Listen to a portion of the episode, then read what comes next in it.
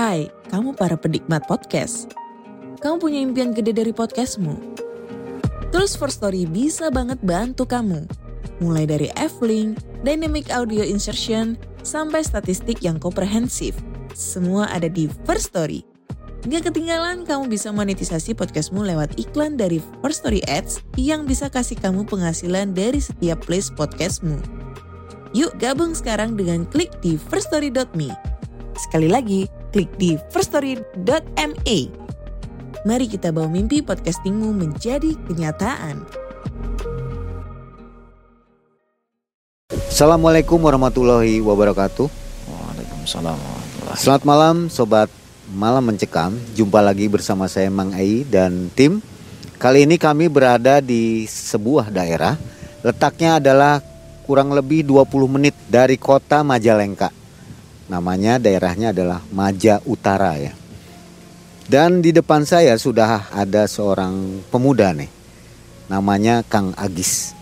Kang Agis hari ini akan bercerita mengisahkan kisah nyatanya kepada kita tentang pengalamannya ketika masuk ke alam lain atau dunia goib ya.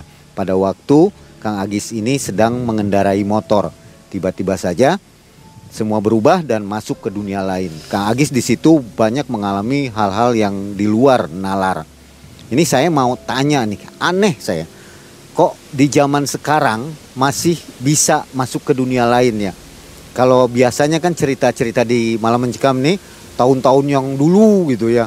Mereka yang sering masuk ke alam goib. Tapi ini kejadiannya tahun 2019. Sobat MM, mudah-mudahan kita semua selalu dalam lindungan Allah Subhanahu wa taala dan selalu diberikan umur panjang dan rezeki yang luas ya. Amin. Amin. Kita ke Kang Agis nih. Apa kabar Kang Agis? Alhamdulillah sehat Mang Ai. Apa nih profesinya? Sekarang profesi masih pedagang Mang Ai. Pedagang, pedagang minyak nih. Pedagang bukan pedagang minyak. Oh, minyak. Ya asli Jawa Barat pedagang seblak Mang Ai. Kafe maksudnya.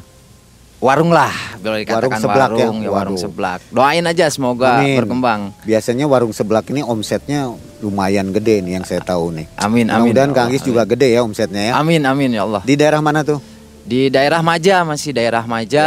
Daerah. Gitu masih daerah Majalengka. Oke, nanti sobat kalau jalan-jalan daerah Majalengka mampir di seblaknya Kang Agis namanya seblak apa? Namanya seblak As-Solihah. As-Solihah luar biasa namanya ya.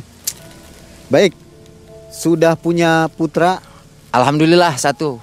berarti istrinya satu nih pasti. Istrinya satu. Ya, nambah. nambah. Jangan. Janganlah satu juga cukup. Kang Agis, gimana itu kisahnya yang Kang Agis masuk ke dunia lain? Itu kok bisa itu? Coba diceritain.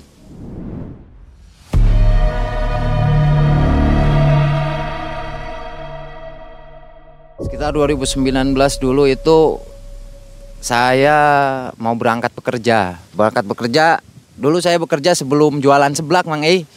Jualan sayur lebih dahulu di kota Tasikmalaya waktu dulu. Ini ini kejadiannya di mana ini? ini kejadiannya itu di perjalanan menuju Maksudnya Tasik. Di daerah mana? Itu daerah Jahim. Jahim daerah ya? Jahim namanya ya. Warga Majalengka padi- pasti sudah tahu daerah Jahim. Karena daerah Jahim tersebut banyak orang gitu kan, orang Majalengka, orang Tasik tahu bahkan keangkerannya, kemencekamannya gitu kan luar biasa. Itu. Waktu dulu itu saya berangkat dari rumah itu habis zuhur, Mang Ei, langsung habis zuhur sholat berjamaah zuhur langsung berangkat karena saking bahagianya mau bekerja gitu kan mencari nafkah buat keluarga. Di perjalanan sebelum nyampe Jahim itu ya tidak ada kejadian aneh, biasa-biasa saja sampai saya pakai yang namanya itu headset. Ya, pakai headset, pakai helm nyanyi-nyanyi di jalan gitu kan. Di Jahim tersebut ada satu tempat boleh dikatakan kalau kata bahasa Sundanya mah itu pengkolan ya, malengkot, malengkot ya pengkolan. Itu di sana mitosnya itu harus melempar uang, koin. Itu jumlahnya seikhlasnya ya melempar koin. Tapi saya menghiraukan, bukan menghiraukan apalah lupa gitu kan karena saking bahagianya gitu kan bawa pakai headset nyanyi-nyanyi gitu. Lanjut tengah perjalanan udah ular Mang Ai. Ularnya itu ya gedenya nggak gede-gede amat Mang Ai, tapi ularnya itu hitam warnanya. Saya kaget. Seharusnya ketika kaget ya kita mengucapkan yang semestinya lah. Kita ucapkan astagfirullah, kita ucapkan subhanallah. Tapi karena saking kagetnya saya mengucapkan hal yang tidak pantas. Goblok eta orai. Amun kagilas kumaha keur mah teu kahaja. Teman. Mending mun kagiles ke aing na cilaka. Jadi kata kasar goblok keluar di sana. Terus setelah itu beberapa detik kemudian kurang lebih 10 detik. Motor saya nggak ada. Aneh itu saya.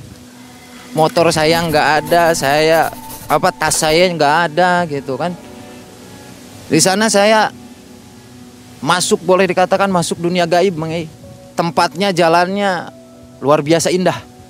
Pinggir-pinggirnya itu warnanya warna emas mengai saya berjalan dalam hati saya kok saya ada di sini?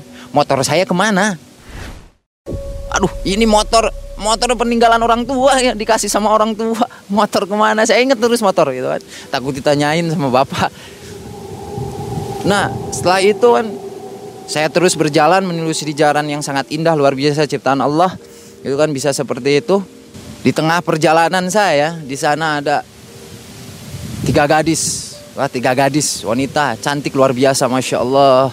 Saya lihatnya itu ya cantik sekali mang eh belum saya lihat di dunia gitu cantiknya. Itu pakaiannya pakai samping itu apa? Kain. kemben. kemben ya kemben.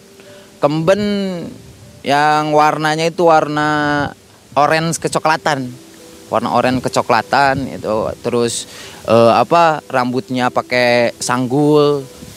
Di sininya ada apa? Ada yang ke bawahnya itu kayak bunga melati kayak bunga melati. Kamu ikut dengan saya. Kata saya ini bukan dunia saya kata saya. Ini bukan dunia saya. Walaupun indah luar biasa tapi ini bukan dunia saya. Saya mau pulang.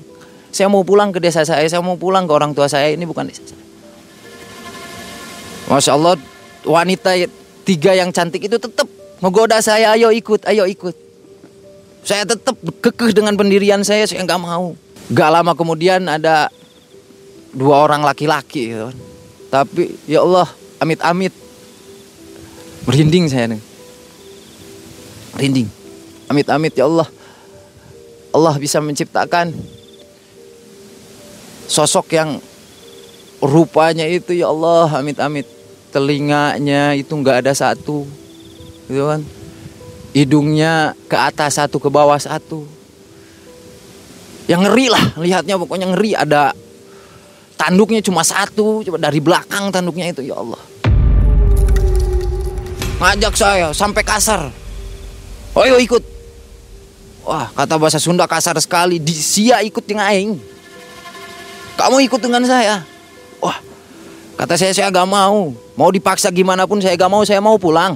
Saya mau pulang ke desa saya mau pulang ke orang tua saya. Di sana ya kalau kata bahasa Sundanya sabisa-bisa sabisa-bisa jampe jampe gitu kan doa sama Allah ya Allah tolong saya gitu. ya Allah kembalikan saya ke dunia saya. Saya gak mau ikut sama mereka. Saya ingin pulang ke dunia saya. Sampai kaki saya dibawa sama mereka berdua gitu. Dibawa. Di perjalanan digusur. Saya tetap menolak. Tetap menolak. Wanita-wanitanya tetap juga ikut bantu laki-laki berdua itu kan ayo ikut cepet ikut. Saya gak mau. Ah, saya gak mau pokoknya. Ya Allah itu kan akhirnya saya bisa lepas dari cengkraman mereka saya lari. Lari tersebut sampai tersungkil-sungkil. Lari tersebut sampai tersungkil-sungkil. Sampai berdoa sama ya sama Allah ya Allah tolong saya ya Allah. Sampai dalam pemikiran saya yang tadinya bener saya ingat terus sama kendaraan bermotor saya gitu kan ingat sama tas saya mengai tapi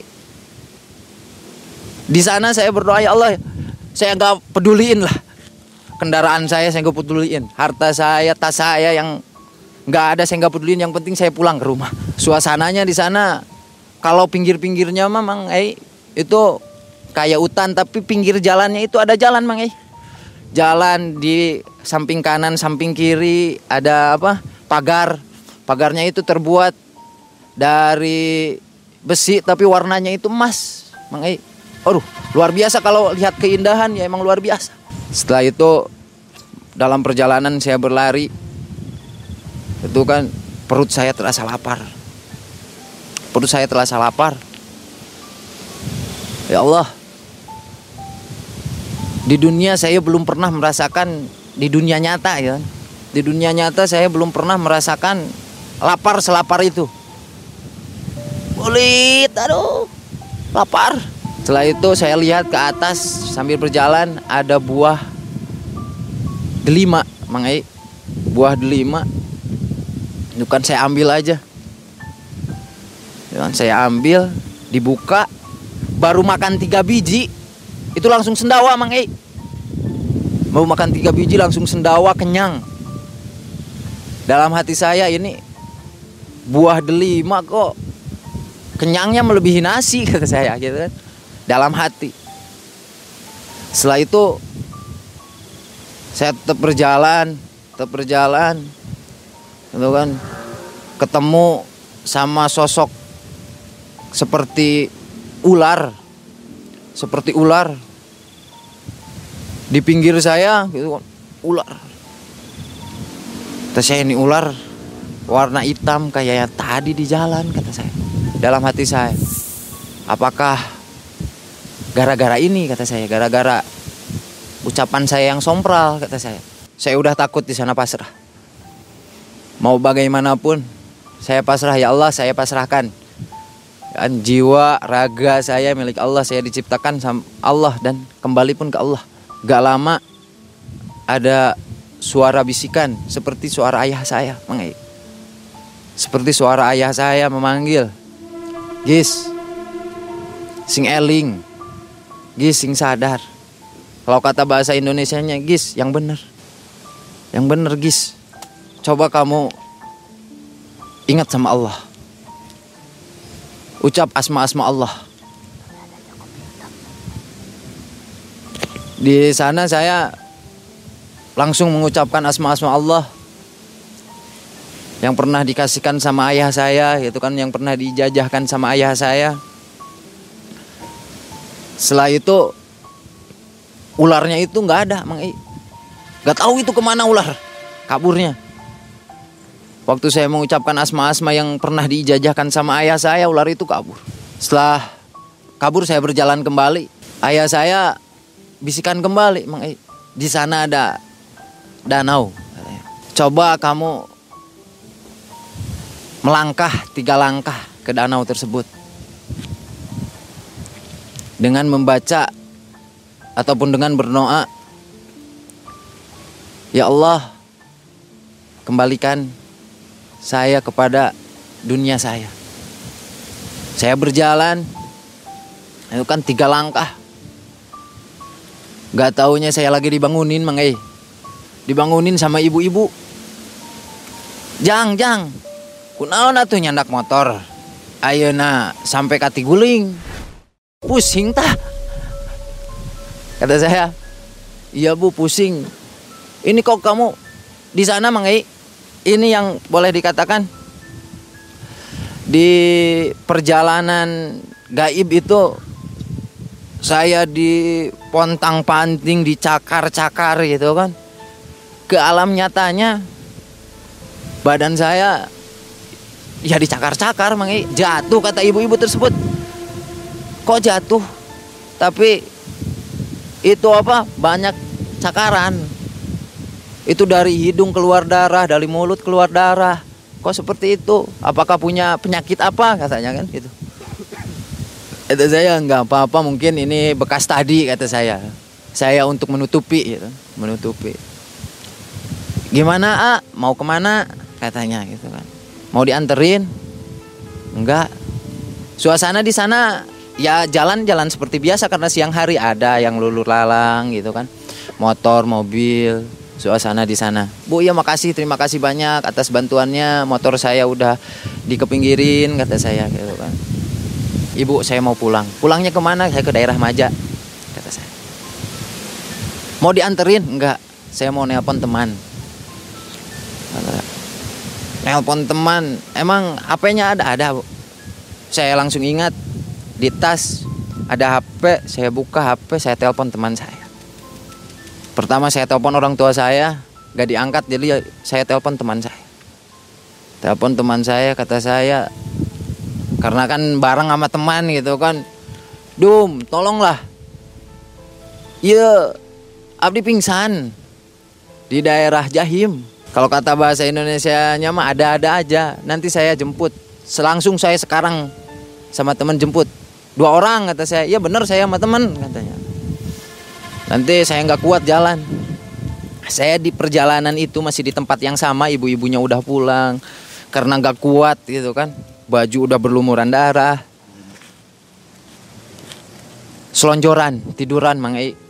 Tiduran itu kan menunggu jemputan itu jam satu itu kalau gak salah jam satu teman saya meluncur dari Maja ke tempat ke Jahim langsung meluncur bawa motor katanya mah ngebut.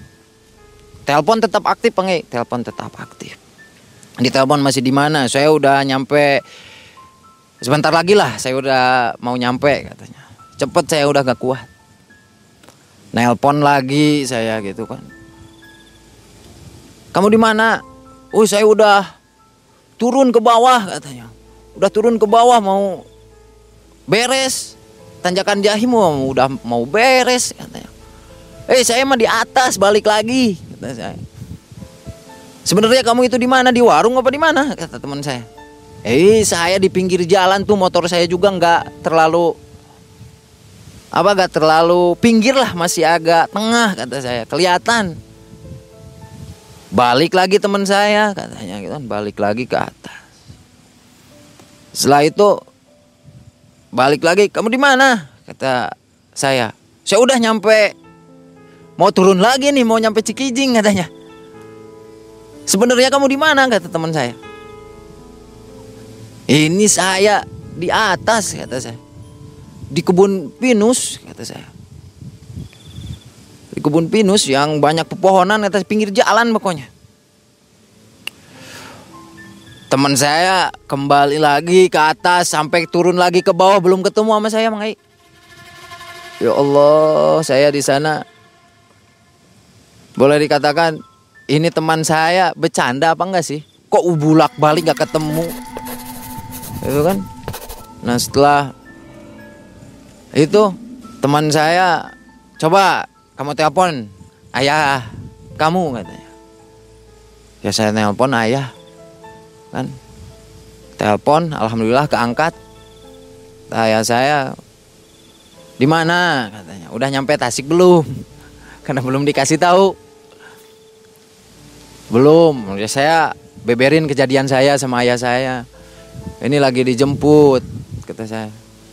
Ini lagi dijemput sama teman sama si Bedum kata saya. Sukron sama Anton tapi belum nyampe-nyampe ini udah jam 5 jam 5 sore belum ketemu Mang E jam 5 sore belum ketemu. Ayah saya ditelepon ngomong udah sekarang kamu minum dulu ada air nggak? Ada pak. Jadi minum. Minum sok coba baca sama kamu. Itu kan. Berdoa baca ayat suci Al-Quran baca sholawat insya Allah. Berdoa dengan ayat-ayat suci Al-Quran menjadi obat buat kamu supaya bisa ketemu sama teman kamu teman kamu emang udah jalan kata ayah saya nah, setelah itu saya baca sholawat saya baca ayat suci Al-Quran Gak lama teman saya dari kejauhan manggil-manggil guys jadi maneh tadi dinya. Jadi kamu tuh di sana kan. Allah. Gila kata saya. Eh berangkat jam berapa kata saya. Tadi saya langsung Di telepon saya langsung, jujur saya bolak-balik ke sini katanya. Gak ketemu baru sekarang nih motor kamu ketemu di sini. Ya Allah, kata saya, oh berarti mungkin itu kan dalam hati saya masih disembunyiin gitu kan sama makhluk yang seperti itu.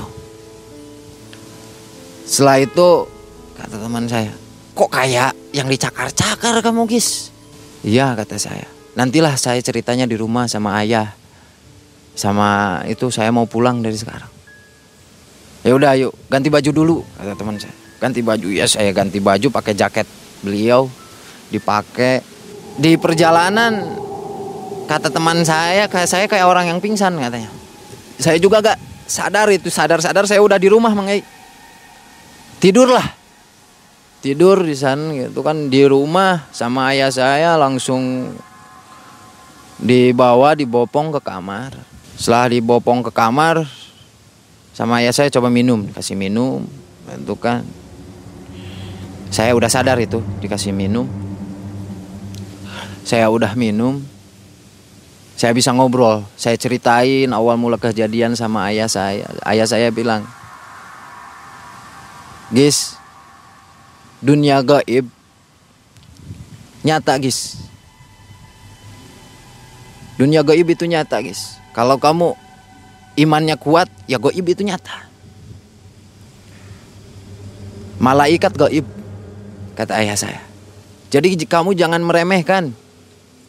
Kan saya cerita tentang kesompralan saya gitu kan. Sampai ayah saya bilang, jin itu ada, kata ayah saya. Wa ma khalaqtu jinna wal unsa illa liya'budun kata ayah saya. Allah menciptakan jin dan manusia untuk beribadah sama Allah.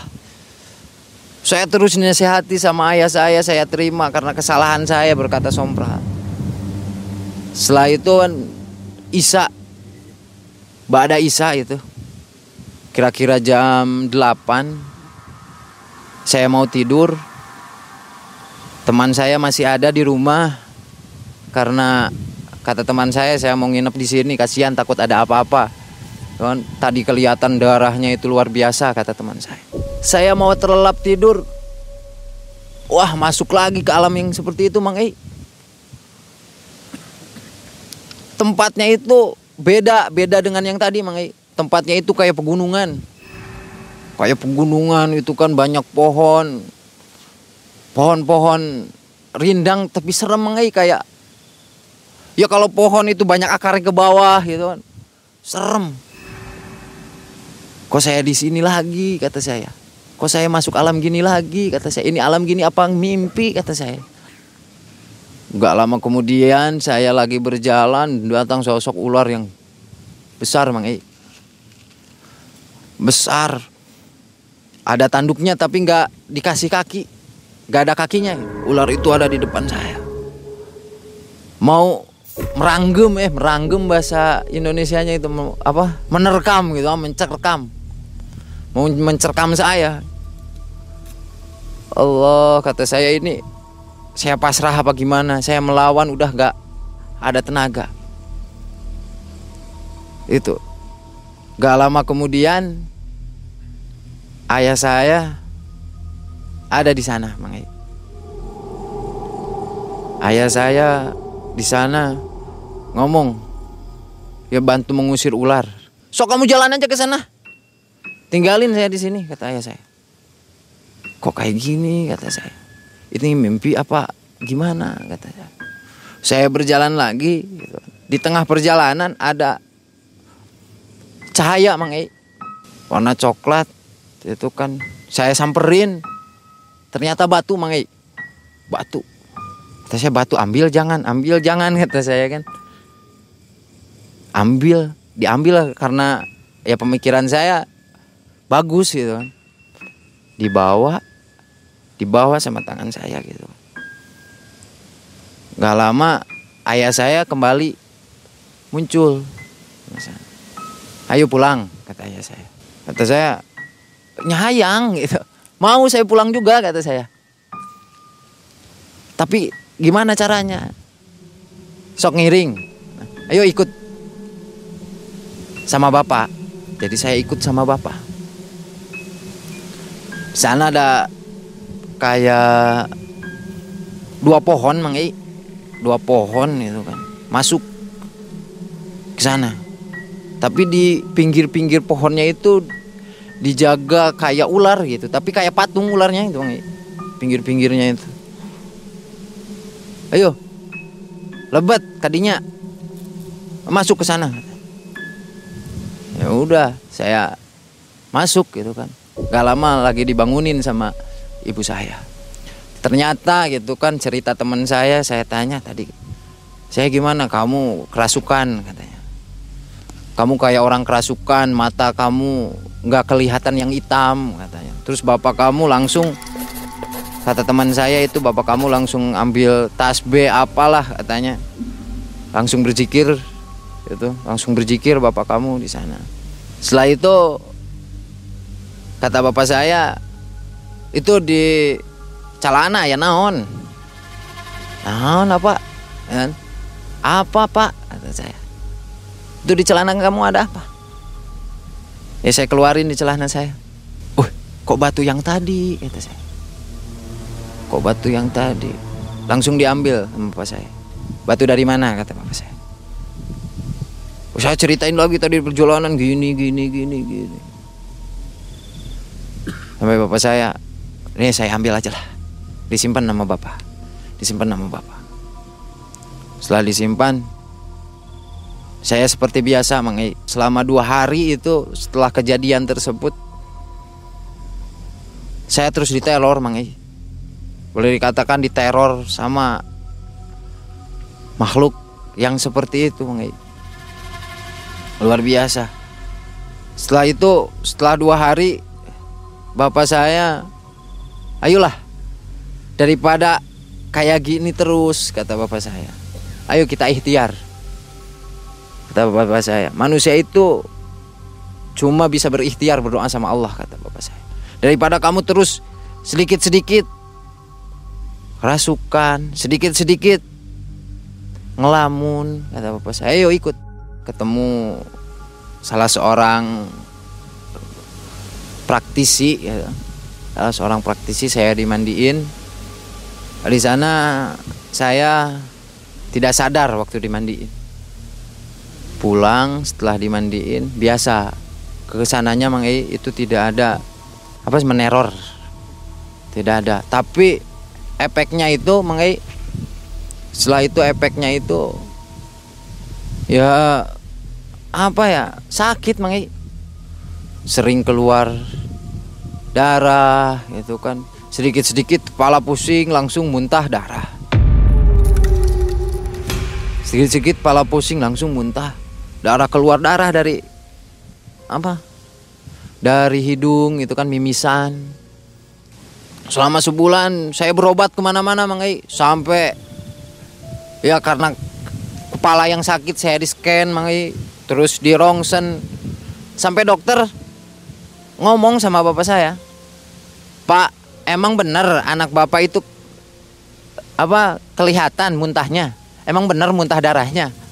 Dikira dokter itu saya berbohong Mang muntah darah seperti itu dikira bohong karena di scan di apa di berobat apalah e, tenaga medis gitu ya Mang tidak ada satu penyakit pun Mang sampai suatu ketika akhirnya Mang setelah berobat itu Mang setelah berobat batin perjalanan ada pengemis Mang Ei. di sana minta uang. Minta uang dan saya bapak saya kasih. Nggak tahu kenapa gitu kan nggak tahu kenapa.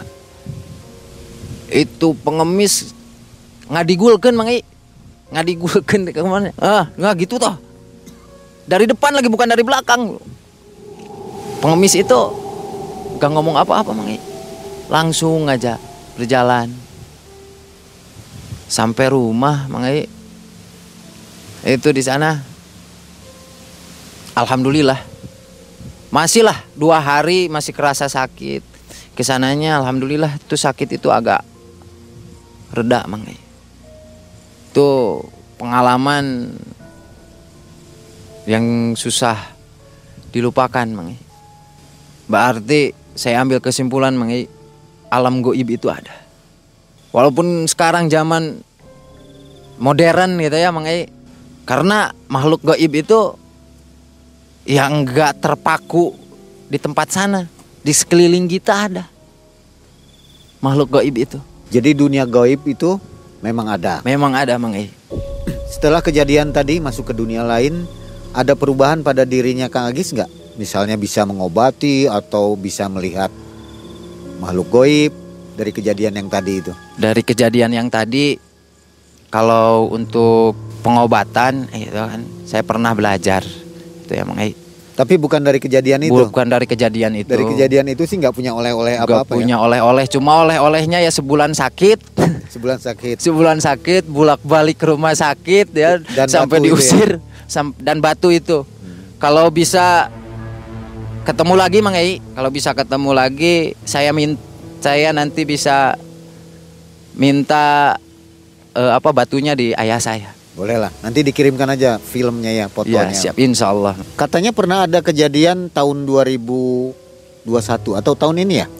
Atau Eh, kalau nggak salah itu pernah ada kejadian gitu ya. Saya lupa lagi Mang Ei, itu itunya karena itu masuk berita Mang Ei. Ma- tahun di- tahun tahun berapa tuh?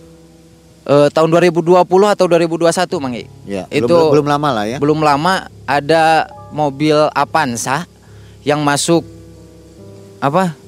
jurang gitu. Di lokasi itu. Di lokasi itu. Menurut keterangan ini kan saya nggak ngobrol langsung ya sama supirnya, dikiranya jalan katanya. Menurut keterangan itu seperti itu. Ada korban. nggak ada Mang I. Walaupun ya jurang anehnya gitu yang Mang I. jurang ya agak apa? Dalam. nggak agak dalam gitu kan kelihatannya agak dalam karena banyak pohon pinus juga gitu. Tapi di sana nggak ada korban satu pun. Mobil pun Sehat. nggak rusak. Mobil pun nggak rusak Mang I. Coba eh, apa? Mungkin masih ada beritanya Mang I, di apa di eh, Google Ya. karena dulu itu masuk berita gitu di Facebook juga menyebar gitu. Ya. Baik. Itulah kisah nyata dari Kang Agis yang mengalaminya pada tahun 2019. Ternyata dunia gaib itu memang ada. Buktinya bukan di tahun-tahun dulu saja ya. Iya, Masa sekarang pun masih ada dunia gaib itu. Buktinya Kang Agis masuk dan dapat oleh-oleh sakit satu bulan. ya. oleh-oleh sakit satu bulan. Baik sobat, saya akhiri kisah dari Kang Agis dan lokasi tempat kita syuting ini berada di ketinggiannya. Jadi anginnya cukup besar dan Makam juga Mang Ai ini. Oh iya di lokasi makam ya Lokasi di sebelah makam kita ini. Dan lokasinya cukup tinggi jadi suhunya juga di bawah 20 derajat ini. Terima kasih atas perhatian Anda, Kang Agis. Terima kasih atas Sama-sama, kisahnya. Kita jumpa lagi di video yang lain. Wabillahi taufiq wal hidayah. Assalamualaikum warahmatullahi wabarakatuh. Waalaikumsalam warahmatullahi wabarakatuh.